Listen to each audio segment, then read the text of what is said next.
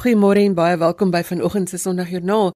Ek is Liselde Brein en saam met Neuro wat ons tegnies versorg gesels ons vanoggend geloofsaake. My gaste vanoggend is Dr Willem Botha, die uitvoerende direkteur van die WAT en ons gesels oor taal wat met kerksake vermeng is. Dominee Zander van die Westhuizen van die NG Gemeente Tuigerpoort vertel van hulle betrokkeheid by 'n kliniek en Gustaf Cross van In Context International vertel van sy besoek aan Sirië. Andrea van Heerden van die Caring Daisies vertel ook van haar geloofspad. Ons nooi jou uit om saam te gesels per SMS by 45889 teen R1.50 per SMS. Daar is alternatiewe maniere van luister. Ons is ook te hoor op DStv se audiokanaal 813 en jy kan regstreeks luister by rsg.co.za. Terwyl jy daar is, kan jy ook gaan loer na ons programinligting wat daar gelaai is. MUZIEK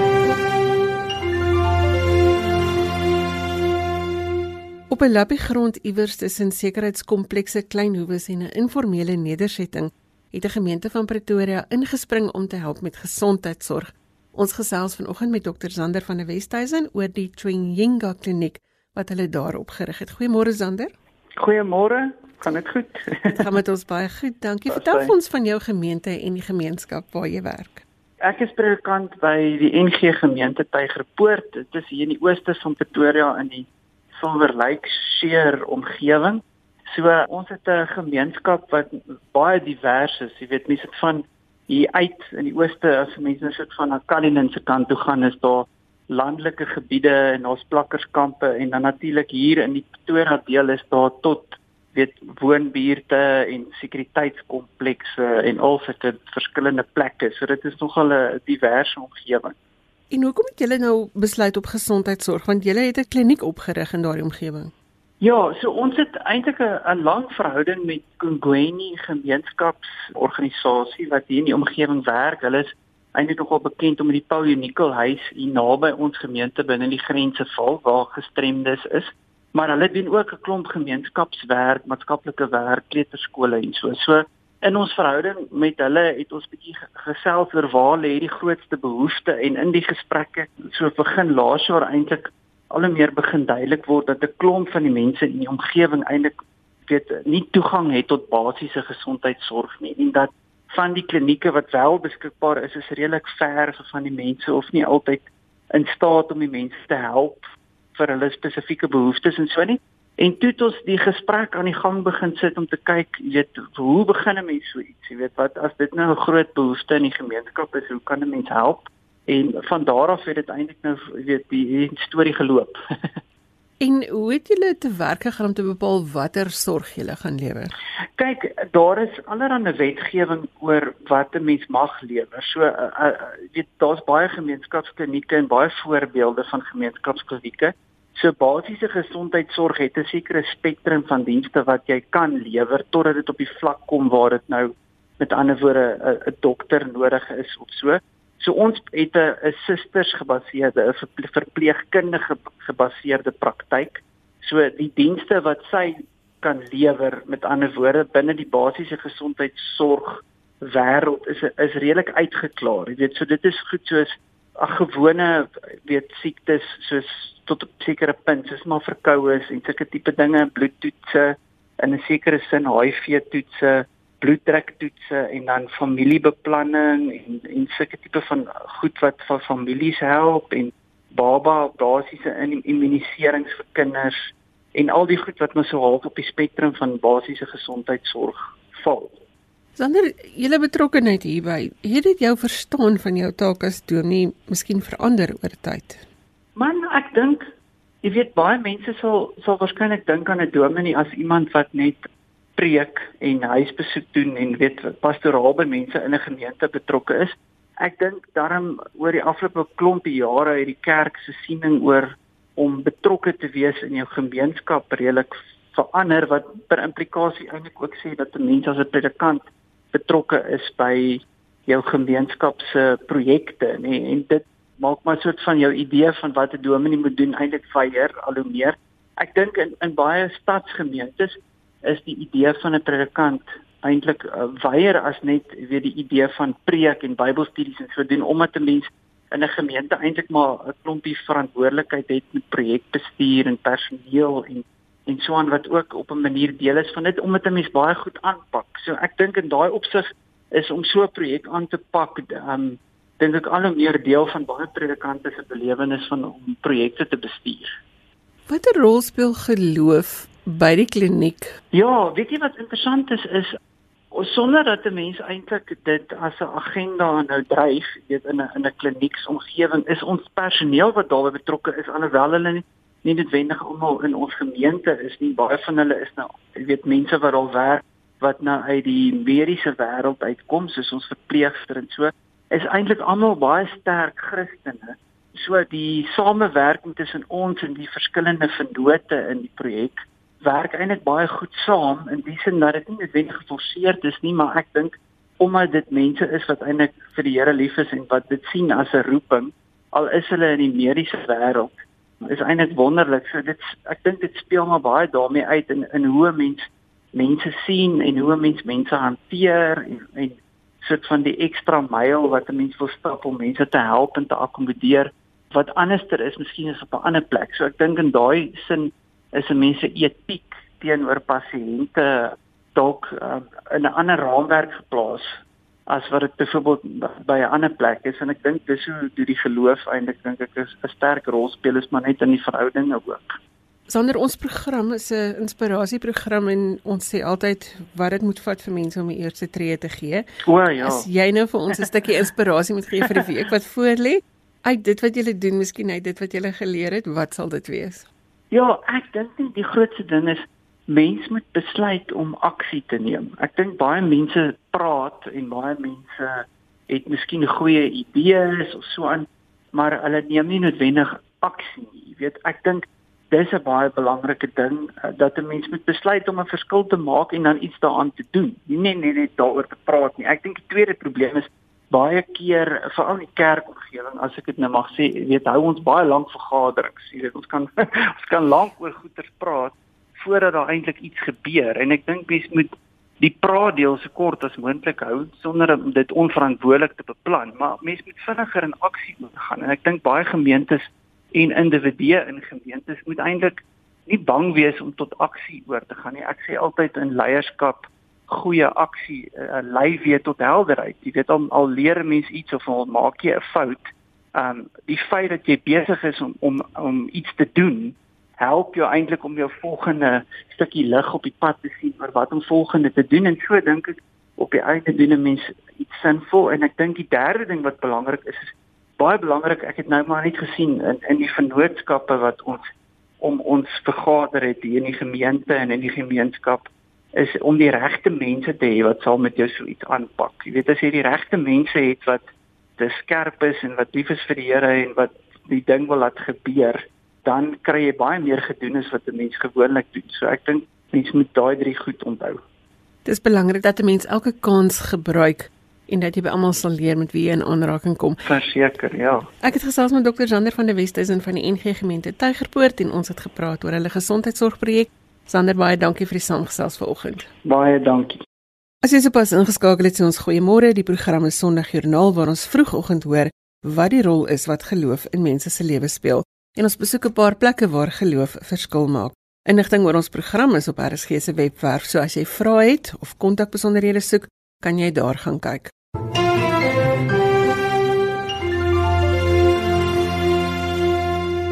Jy hoef nie op die bank te sit en wag vir iemand om 'n verandering te maak nie. Dit is heeltemal moontlik vir jou om self 'n plan te maak. Andrea van Heerden is 'n voorbeeld van 'n gewone vrou soos ek en jy wat die eerste tree gegee het. Goeiemôre Andrea. Goeiemôre Lisel en goeiemôre al die luisteraars. Geef ons agtergrond van die Caring Daisies. Hoekom bestaan die organisasie? Dit is eintlik 'n lang storie wat ek sê so kort as moontlik gaan vertel, maar 10 jaar gelede was my kindertjie nog in die, in die kleuterskool en daar was 'n mamma wat hierdie drie ongelooflike kinders gehad het wat oor see moet gaan en net een kom betaal en hulle het vat verkoop en ek het vir my vriendinne gesê wat saam met my in die skool is wat wel klas het en sê weet julle wat ons moet iets doen om hierdie ma te help. Sy werk so hard dis sulke belowende kinders. Kom ons doen iets. En ek het toe ek dink calendar goals was net uit en toe het ek gesê maar kom ons maak 'n almanak en ons hou 'n veiling op 'n huis se dak en ek nooi net 'n paar mense wat ek goed ken om vir hulle die 40000 rand wat hulle nodig gehad het in te samel en ons het ons toe daai tyd die Kolgat duisies genoem omdat dit nou maar kalender is maar almal dink dit was sonneklere ons het eintlik vol met klere aan En dit was die begin en ons het daardie aand 'n ongelooflike aand gehad met mense wat ons ken besigheidsvennote en ons het oor die 200 000 rand ingesamel. En ek het vir my vriendinne gesê, weet jy wat, hierdie is 'n teken. Ons kan nie nou stop nie. Hoe kan jy jy wou 40 gehad het, hy bless jou met 200 000 rand. Kom ons begin dit, maar ons kan nie aangaan met die naam Kalga Daisies nie, want dit gaan nie werk nie. En dit is die geboorte van die Caring Daisies en dit is waar alles begin het 10 jaar gelede. Jy sê nou jy het 'n groepie vriendinne bymekaar gekry. Maar dit is ook so dat geloof 'n groot rol speel in dit wat jy doen. Absoluut. Weet jy wat ek glo met my hele hart dat dit die Here se plan is vir my. Ek het as klein dogtertjie altyd gesê ek wil op verhoor staan en motiveringsspreker word, maar maar ek het 'n finansiële aanslag en ek het my eie finansiële praktyk en ek weet ek dit gaan nie werk nie. En ek glo dat hy deur die caring days my gebruik om om te getuig en vir mense te wys na wat hy kan doen want hy is 100% in beheer van wat ons hier doen elke keer vir 'n groot event sal ons as 'n groep saam vas. Verstaan, ek luister 100% na die boodskap wat hy vir my stuur en op dit sal ek reageer en werk, maar daar is geen manier wat ons die sukses kan hê wat ons oor die afgelope 10 jaar gehad het as hy nie in beheer was nie. En ek het elke Desember vra vir my teken en sê moet ek aangaan, moet ek ophou? Wat is wat is sy planne vir my? Want solank sy blessing nie op dit is wat ons doen as 'n groep vrouens nie, dan gaan dit nie aangaan nie. En daarom wil ek sê weet jy wat dis waar ons mekaar vashou en ons ondersteun mekaar. Ek sê altyd vir mense ons is een groot las lappie kombers. Elkeen anders, elkeen verskillend, grof en glad. Maar die Here het ons met 'n goue draad aan mekaar kom werk om elkeen op sy manier verskillende mense se lewens te maak en ek glo op dat dit die sukses is agter die Kering Daisies want sonder hom sou ons eintlik niks gewees het nie. Wat sou jy sê is die rol wat geloof speel in jou persoonlike lewe? Alles 100% alles. Daar's geen manier wat ek enigiets kan doen as dit nie was vir dit waarna kan vashou nie. Die Here is die middelpunt van my en my gesin se lewe, dis die middelpunt van my lewe. En ja, ek lees nie elke dag Bybel nie. Ek ek bid in die oggend as ek hardloop op 'n tredmil, dis wanneer hy met my praat. Maar ek kan nie in my voorstel dat 'n mens enigsins jou lewe kan doen sonder dat die Here deel is van dit nie. Want dit is tog die begin en die einde vir elkeen van ons. So ek luister na sy stem. Ek het 3 weke terug gesê ek is klaar met charity vir jaar ek is genoeg en in die donderdag het ek 'n oproep gehad en geweet weet hy's nog nie klaar nie. So ek kan nog nie aangaan nie. So ja, ek ek kan ek kan myself nie voorstel sonder Here in my lewe nie. Dit is net eenvoudig onmoontlik. Jy noem nou van die oproep. Hoe bepaal jy en miskien julle as 'n groep waar julle gaan help en wat julle gaan doen? Weet wat julle sal ons help amper almal. Ons kry op 'n daaglikse basis versoeke. Ons kry tussen 80 en 100 versoeke 'n maand vir mense wat vra vir hulp of ondersteuning. So ons het 'n projektekomitee wat aan mekaar sit en dan ondersoek ons elkeen van hierdie sake en ons probeer regtig almal help. Jy kry jou goed wat net te groot is. Iemand wat se kind wat behandeling oor sy moet kry wat 2 of 3 miljoen werd. Ag, benodig. Ons kan nie sulke groot goed doen nie. Dis eenvoudig onmoontlik, maar ons probeer regtig as ons 'n versoek kry, al kan ons net 'n bietjie verskil maak help ons. So as 'n groot projek op my pad kom, sal ek myself absoluut laat lei met wat my hart sê en wat die Here vir my sê want want hy praat met jou op maniere wat mense sal verstaan as jy al sy stem gehoor het. Maar eintlik help ons almal. Verstaan, ons het regtig begin om te sê ons wil daar help van groot organisasies nie kan help nie. Hulle wat nêrens heen het om te gaan nie. Ons sê altyd ons ons probeer die pad van hopeloos na hoopvol met deernis saam met mense stap. En ons is baie mense se enigste kaart ek voel altyd baie mense word 'n kaart gedeel wat jy nie kan speel nie en dis presies wat nou met die boere gebeur. Dis 'n kaart wat jy het wat jy moet wat jy in jou hand het en jy jy kan hom nie speel nie en as ons jou kan help om hierdie kaart op 'n manier te kan hanteer. Dit is hoekom ons daar is. So ek kan regtig sê oor die laaste 10 jaar het ons meer as 30 miljoen rand gespandeer om mense se lewens te verander en dan sluit ek nie al die donasies wat ons gekry het van mense net plaveisel byvoorbeeld gee wat ons nie geld kos nie of hulle tyd gee of 'n trok gee of wat ook al saam met dit gaan.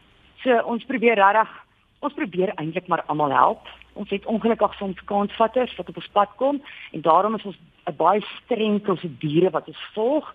Maar wat dit moeilik maak is mense vergeet ons is vrywilligers. Mense vergeet dat hierdie dames wat deel is van hierdie gemeenskap wat ons probeer stig of wat ons behou is is almal vrywilligers. Ek sê altyd hulle gee hulle harte en hulle gee hulle tyd want ons gee nie geld en ons kry niks daarvoor nie. So ja, ons help regtig elke persoon in nood wanneer dit vir ons moontlik is. En soos wat ons fondse beskikbaar het. Andrea, dit was op jou hart gewees om die eerste tree te gee, die heel eerste ding wat jy gedoen het. Wat is jou motiveringsboodskap vir my en vir ander vroue wat sit en wonder waar kan ons 'n verskil maak? weet jy hierdie jaar en en dit is dis amper vir my dis eintlik die boodskap en ek dink Jacques de Priester ken my hart so goed. Ek het hierdie jaar vir Jacques de Priester gevra ja skryf my 'n 10 jaar celebration song vir die Daisies. Verstaan sê vir mense oor 10 jaar wat ons gedoen het. Hy het ons begin vir my 'n liedjie ges, geskryf wat hy eintlik gesê het dit gaan oor liefde. En hierdie woorde van van sy liedjie som eintlik op die boodskap vir almal daar buite. En dit is my ek deel dit so graag want want dit is so my hart eintlik. Ek het voel of hy in my hart gekyk het toe hy hierdie geskryf het. En en ek dink as ons almal so kan leef kan ons hierdie land van ons verander. En hierdie woorde sê as ons gee plant ons bome in 'n droë woestyn en as jy deel verander God weer water in die dierste wyn.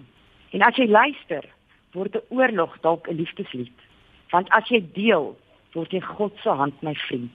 Want 'n hand wat oop is om te gee, is 'n hand wat oop is om te ontvang en dit is ons lese waarby ons leef.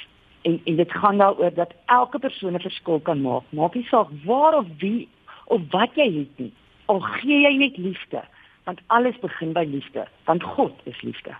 Andrea baie dankie vir die saamgesels vandag. Dankie Lisel en groete daar vir almal.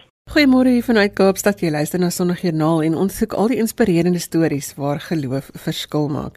As jy een van daardie inspirerende geloofstories het waar geloof 'n verskil maak, kan jy van jou laat hoor. My e-posadres is lazel@wwmedia.co.za. Dis lazel L I Z E L E by wwmedia. Daar's net twee W's.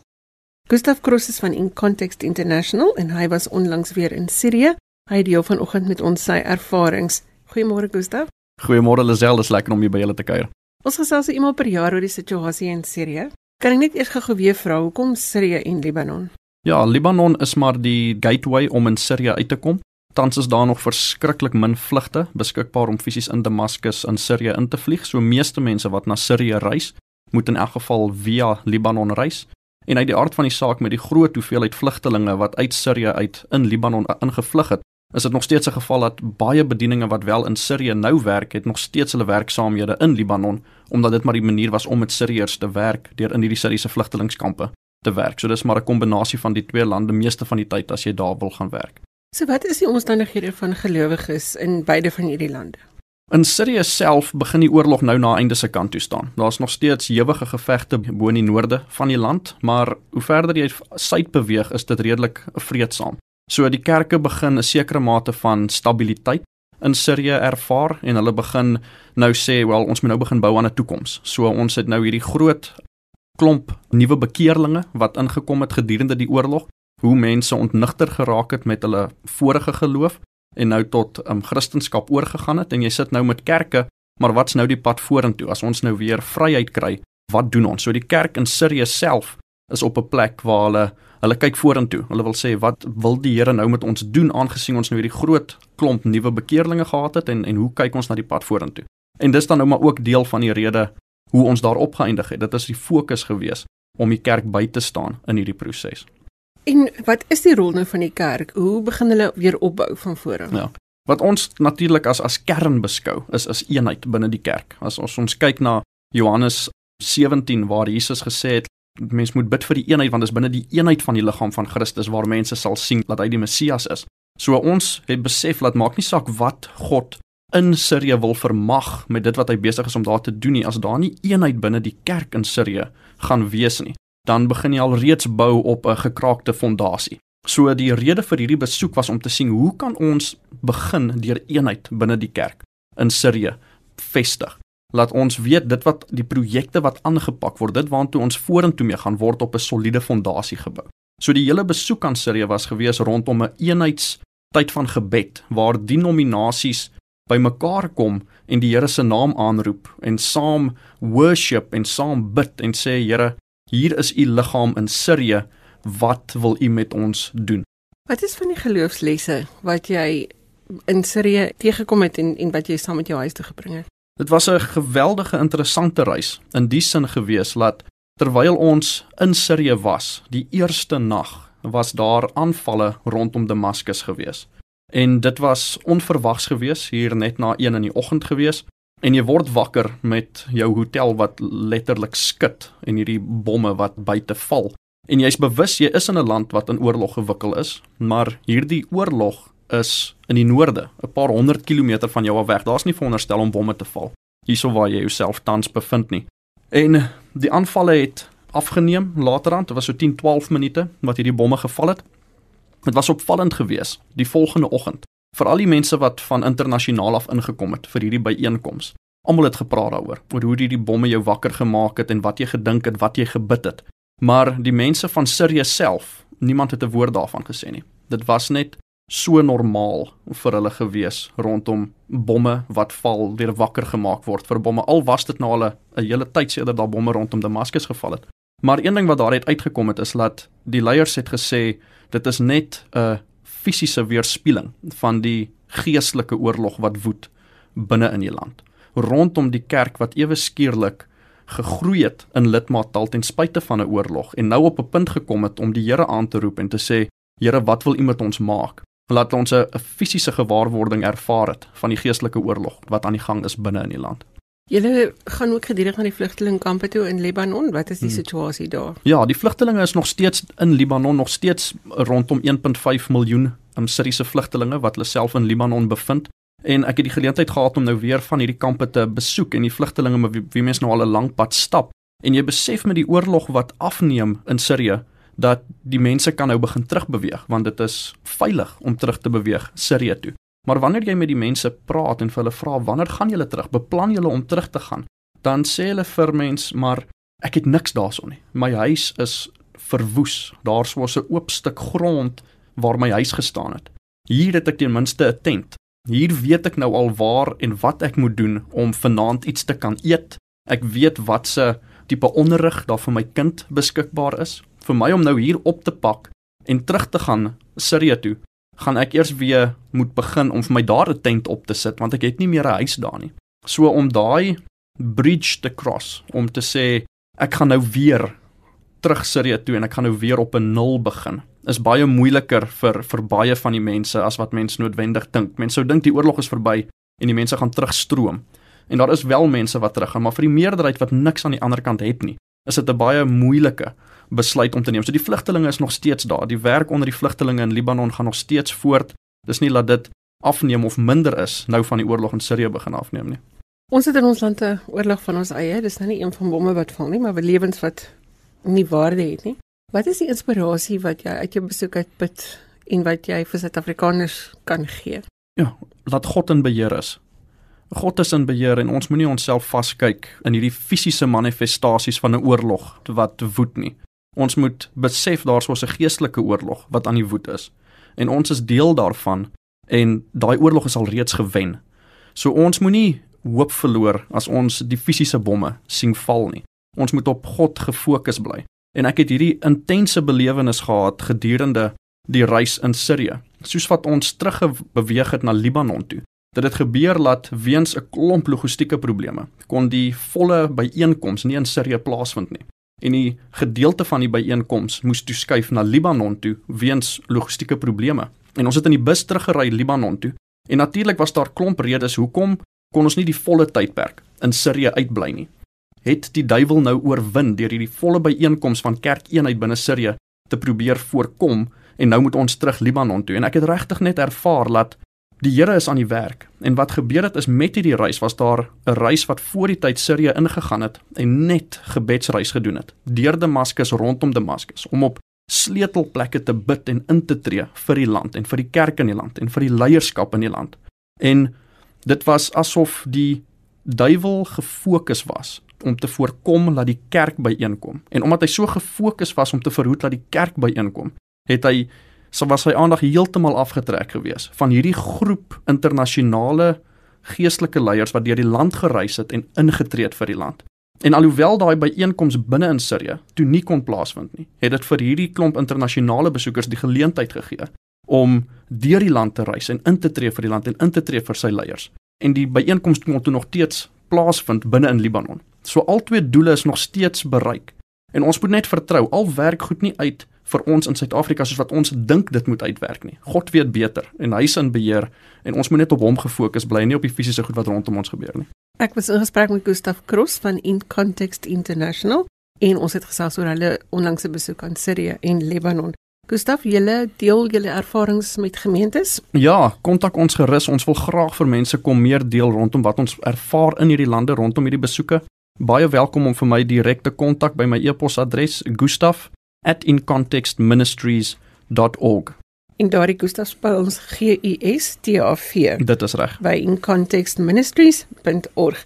As jy vir hulle moet hulle ervarings gratis by julle kom deel. Baie dankie vir die saamgesels Gustaf. Dankie Lisel, lekker om hier te kuier.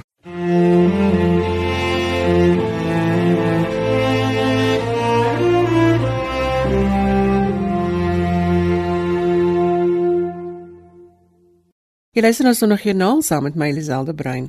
Ons gesels met mense oor wat dit is wat hulle glo en hoe dit 'n verskil in hulle wêreld maak. Hou 'n skryfding byderhand want ek gee aan die einde van die program almal se e-pos besonderhede. Dr Willem Botha staan aan die stuur van die Woordeboek van die Afrikaanse taal en ons gesels vanoggend oor die oorsprong van 'n paar woorde wat in die kerkomgewing gebruik word. Goeiemôre Willem. Goeiemôre Lisel, goeiemôre luisteraars. Ek het iewers gehoor jy vertel van 'n kat wat kerk toe gaan. Kan ons daar begin? ja, kyk, mense kry mos elke nou en dan 'n storieetjie van 'n kat of 'n hond wat saam kerk toe kom op 'n georganiseerde manier of soms heeltemal onverwags, maar die verhaaltjie het gegaan oor 'n kat wat elke sonoggend staan hy voor die voordeur en wag vir sy mensebaas en dan uh, dan gaan hulle saam kerk en is dit doodstil in die kerk. En het dit saamgang met die woord katkesant of waar kom die woord katkesant ja, van? Ja, ja, die burger het toe 'n baie mooi opskrif gemaak. Hulle het toe gepraat van Kitsie die katkesant. En dan as jy nou die berig lees, dan kom jy nou agter dis nou eintlik 'n kat kesant, letterlik 'n kat. Daar's 'n paar ampte wat ook interessant is. Waar kom die woord dominee byvoorbeeld vandaan? Ja, hulle is wel is interessant. Die meeste van ons eh, kerkverwante woorde kom maar uit Nederlands, maar as jy nou verder teruggaan, dan kom dit eintlik uit Latyn. En so is dit nou ook met dominee. Nou ons het dominee uit Nederlands gekry, maar dit gaan eintlik terug na die Latyn domine wat die aanspreekvorm of die vokatief is van dominus. En dominus is heer of meneer of meester. Oorspronklik het dominus beteken die heer van die huis, want dominus is afgelei van domus wat Latyn vir 'n huis is. En interessant genoeg, Lisel, kry ons dit ook nog in die vorm dom. En dis nou nie in die betekenis onnosel nie, maar in die betekenis van kerk. En in Nederland sal hulle praat van die Domkerk van Amsterdam. Daar is dit eenvoudig die kathedraal of die kerk in Amsterdam. So in Domkerk is nog daai domus aanwesig van huis en van dominus en van dominee. So dit vorm 'n baie mooi sirkelgang eintlik. Maar in Nederlands is predikant eh, vir die eerste keer opgeteken as 'n woord uh, reeds in 1619. Maar as 'n ou nou van dominee praat, dan dink jy onmiddellik aan predikant en waar se predikant dan nou vandaan kom? En 'n uh, predikant is dan eerstens 'n leraar van 'n protestantse gemeente, maar as ook in Afrikaans 'n skertsende betekenis wat nie in Nederlands bestaan nie, en dis die van 'n padwyser of 'n wegwyser. Miskien onthou jy ook nog dat uh, die ouer mense praat van die die predikant of die padpredikant wat vir jou rigting of afstand aandui. Maar uh, ons predikant, dit is net in Afrikaans, dis nie in Nederlands nie, maar ons predikant kom natuurlik uit Nederlands en dis vir die eerste keer in 1531 in Nederlands aangeteken. En toe dit beteken 'n leraar, 'n verkondiger van God se woord. En die toepassing op 'n protestantse leraar het, het later daaruit ontwikkel. Maar predikant gaan ook terug na die Latyn, naamlik na praedicere. En die van julle wat staan in ses Latyn het, sal weet dat prae beteken voor en dicere is om te sê, om te praat. So praedicere is om voor te sê of om te verkondig en dan uiteindelik ook om te preek. So dis baie interessant. Daar's 'n paar ander ampte ook. Ja, kom ons kyk sommer na scriba. Nou in Afrikaans kan jy scriba S K spel of S C. En oorspronklik in Nederlands was dit S C R I B A scriba in 1621 opgeteken vir die eerste keer, maar bloot in die algemene betekenis van 'n sekretaris. En interessant genoeg, daar is 'n Afrikaanse van Skruba.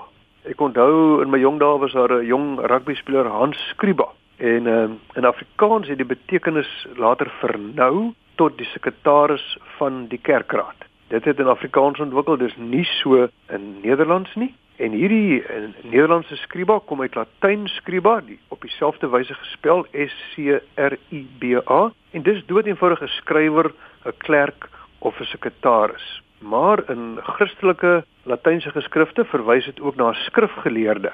En skryba kom van scribere wat beteken oorspronklik met 'n skerp punt krap want voor hulle nou op papirus of op skaapvelle geskryf het, het hulle dit uitgekrap en dit geskryf deur op klippe uit te krap en toe later het dit uh, ontwikkel tot skryf toe ons nou meer beskaaf geraak het. Interessant genoeg, in Engels kry jy scribe, dit is 'n uh, eh, sekretaris, in Frans scribe en dan nou in Engelse kerkverband is dit nie 'n scribe nie, hulle praat van 'n parish clerk of 'n church secretary. Nou ja, dan naby aan die scriba miskien is die koster.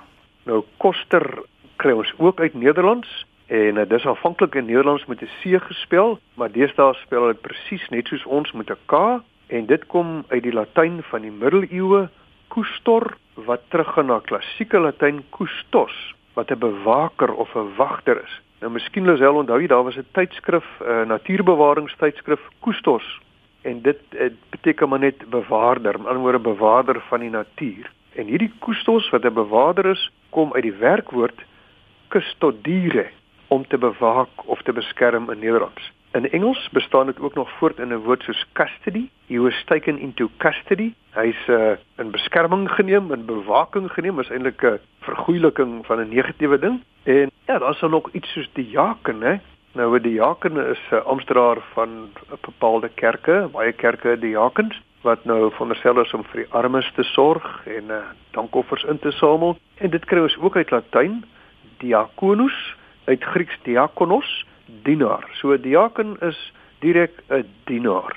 En interessant, dit bestaan omtrent in alle westerse tale in dieselfde vorm. Duits is dit diakon, in Engels is dit deacon, Frans diacre, in Italiaans diacono, in Portugees diacono en in Spaans ook diacono. Nou die groot ooreenkomste tussen Frans en Italiaans en Portugees en Spaans is maar omdat hulle almal Romaanse tale is wat nou verwant is aan Latyn en eintlik uit Latyn ontwikkel het. Dink die enigste een wat oorbly is 'n ouderling. Ja, ek het nou intussen ook gedink aan pastorie. Pastorie, natuurlik nou die amptswoning van die predikant of die pastoor. Dit kom ook uit Nederlands, pastorie, en dis 'n afleiding van pastoor wat weer van Latyn pastor afgelei is. En 'n pastor is 'n herder of 'n skaapwagter en ons gebruik ook nou natuurlik ons praat van pastorale sorg Dit is maar die sorg van 'n predikant soos 'n herder vir sy kudde en Jesus het ook na homself as die goeie herder verwys. En 'n dominee of 'n pastoor word dan ook gesien as die herder van sy gemeente. Interessant genoeg in Suid-Afrika betaal jy nie erfbelasting vir die erf waarop 'n pastorie staan nie. Maar dit is net solank as wat daar 'n dominee in die pastorie woon, as hulle hom nou uitgehuur en daar woon nou 'n gewone mens daarin, dan uh, moet hulle maar erfbelasting betaal. Nou, of dit uh, pligsgetrou toegepas word, weet ek nie, maar dit is die teorie. En dan het jy genoem van ouderling. Nou ouderling is 'n senior lid van die kerkraad, maar oorspronklik in Nederlands het dit 'n uh, baie breër betekenis gehad en, en verwys na die manne van gesag in die gemeenskap. So uh, mense wat redelik uh, gesaghebend was, is beskryf as ouderlinge. Die mense wat gesag afdwing of wat miskien met mag bedeel is in die gemeenskap, hulle was die ouderlinge. En as ons kan afsluit Willem, waar kom die sê ding die koel is deur die kerk vandaan? Ja, dis 'n baie interessante storie en 'n bietjie van 'n lang storie en ek wil baie dankie sê aan Anton Prinsloo wat in sy boek Spreekwoorde en waar hulle vandaan kom, die storie baie ver gaan haal het en hom regtig baie mooi vertel het. So die meeste wat ek nou van wat ek nou gaan vertel kom uit Anton Prinsloo se baie interessante boek Spreekwoorde en waar hulle vandaan kom. Nou uh, as jy sê die kodes deur die kerk, uh, beteken dit natuurlik die saak is beslis. Daar is niks meer aan te doen nie. En voor eeue kon vlugtelinge, misdadigers en skuldenaars hulle toevlug neem tot sekere plekke wat as veilige hawens verklaar was. In die antieke tye reeds het die Hebreërs stede gehad waar mense wat misdade sonder voorbedagte rade gepleeg het kon gaan skuil. Maar die belangrike voorwaarde is hulle moes sonder voorbedagte rade daardie misdaad gepleeg het. Hoe hulle dit bepaal het, weet ek nie, maar so word daar in Deuteronomium 4 vers 43 vermeld dat Beser, Ramot en Golan oos van Jordaan vrystede was wat deur Moses geskep is. Nou as ons vinnig kyk na Deuteronomium 4 en ons kyk daar na vanaf vers 41 dan sien ons die opskrif is drie asielstede oos van die Jordaan. Toe het Moses 3 stede oos van die Jordaan uitgesonder as stede waarheen iemand kon vlug as hy 'n ander doodgemaak het sonder voorbedagte rade en sonder dat daar voorheen vyandskap tussen hulle was. As hy dan na een van hierdie stede toe vlug, kon hy bly lewe. Die stede was Beser in die woestyn hoogvlakte vir Ruben, Ramot in Gilead vir Gad en Golan in Basan vir Manasse. Ons sê dit is baie mooi gedokumenteer. Maar Joshua het wes van die Jordaan ook sekere stede tot vrystede verklaar. En dit kry ons in Joshua 20 vers 1 tot 8. En daar is die opskrif ook bo-aan uh, die perikoop die asielstede. Die Here het vir Joshua gesê: "Sê vir die Israeliete, julle moet nou die asielstede afstaan wat ek julle deur Moses beveel het." Sodat iemand wat onopsetlik en sonder voorbedagte rade die dood van 'n ander veroorsaak het, daarin kan vlug om aan die wraak van bloedverwante van die oorledene te ontkom. Wanneer so iemand na een van die stede toe vlug, moet hy by die ingang van die stadspoort gaan staan en sy saak stel aan die leiers van die stad. Hulle moet hom dan in die stad opneem en hom 'n woonplek by hulle gee. As die bloedverwant van die oorledene hom agtervolg, moet die leiers hom nie aan die bloedverwant uitlewer as hy onopsetlik die dood van 'n ander veroorsaak het en nie kwaadwillig gesind teen hom was nie. Die vlugteling moet in die stad bly totdat hy voor die bevoegde vergadering tereggestaan het en totdat die hoëpriester van die tyd dood is. Eers dan mag die persoon wat die dood veroorsaak het vry teruggaan huis toe na die stad waar hy vandaan gevlug het.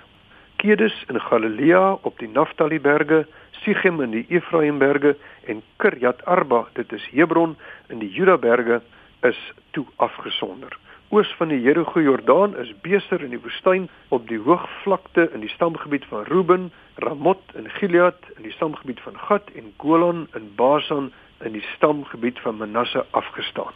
Nou ja, daar word nou mooi verduidelik dat dat enige iemand, hy hoef nie Israeliete gewees het nie, ook 'n vreemdeling kon daar skuilings soek. En in Egipte het die tempels van Osiris en Amon hierdie status geniet en in Griekeland alle tempels. So in Griekeland kon jy in enige tempel gaan skuil en jy was onaantastbaar. Die reg om in Christelike abdye en kerke toevlug te vind is die eerste keer in die 4de eeu na Christus deur die wet erken.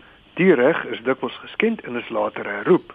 Nou 'n beroemde voorbeeld uh, is die kanonkoel wat die Spanjaarde tydens die beleg van Haarlem in Nederland in 1573 deur die Sint Bavo kerk geskiet het.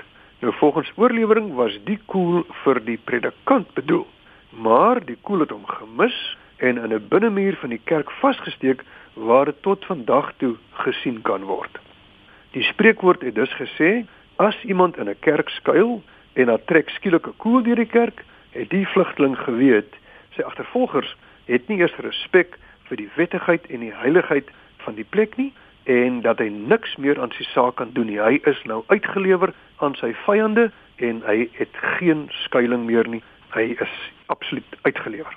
Sjoe, dit is 'n baie interessante storie van die koel is deur die kerk en 'n paar van die ampte. Ek het gesels met Dr Willem Botha van die Woordeboek van die Afrikaanse taal wat vir ons 'n bietjie lig gewerp het op die taal wat in die kerkomgewing gebruik word. Willem, baie dankie vir die saamgesels vanoggend.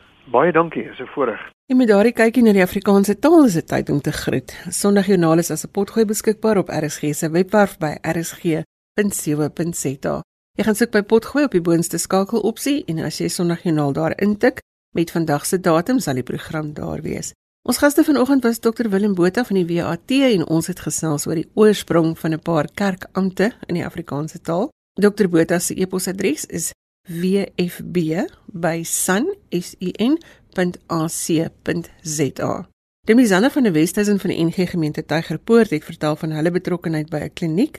Sy e-posadres is z.vanderwesthuizen@gmail.com. En Gustaf Cross van In Context International het vertel van sy besoek aan Sirië.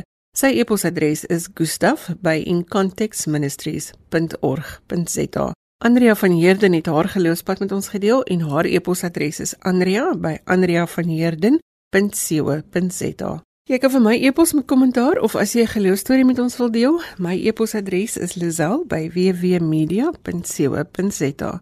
Tot volgende week groet ek namens tegniese regisseur Neil Roo en onthou, maak jou doelwitte sterker as jou verskonings. Tot volgende Sondag, totsiens.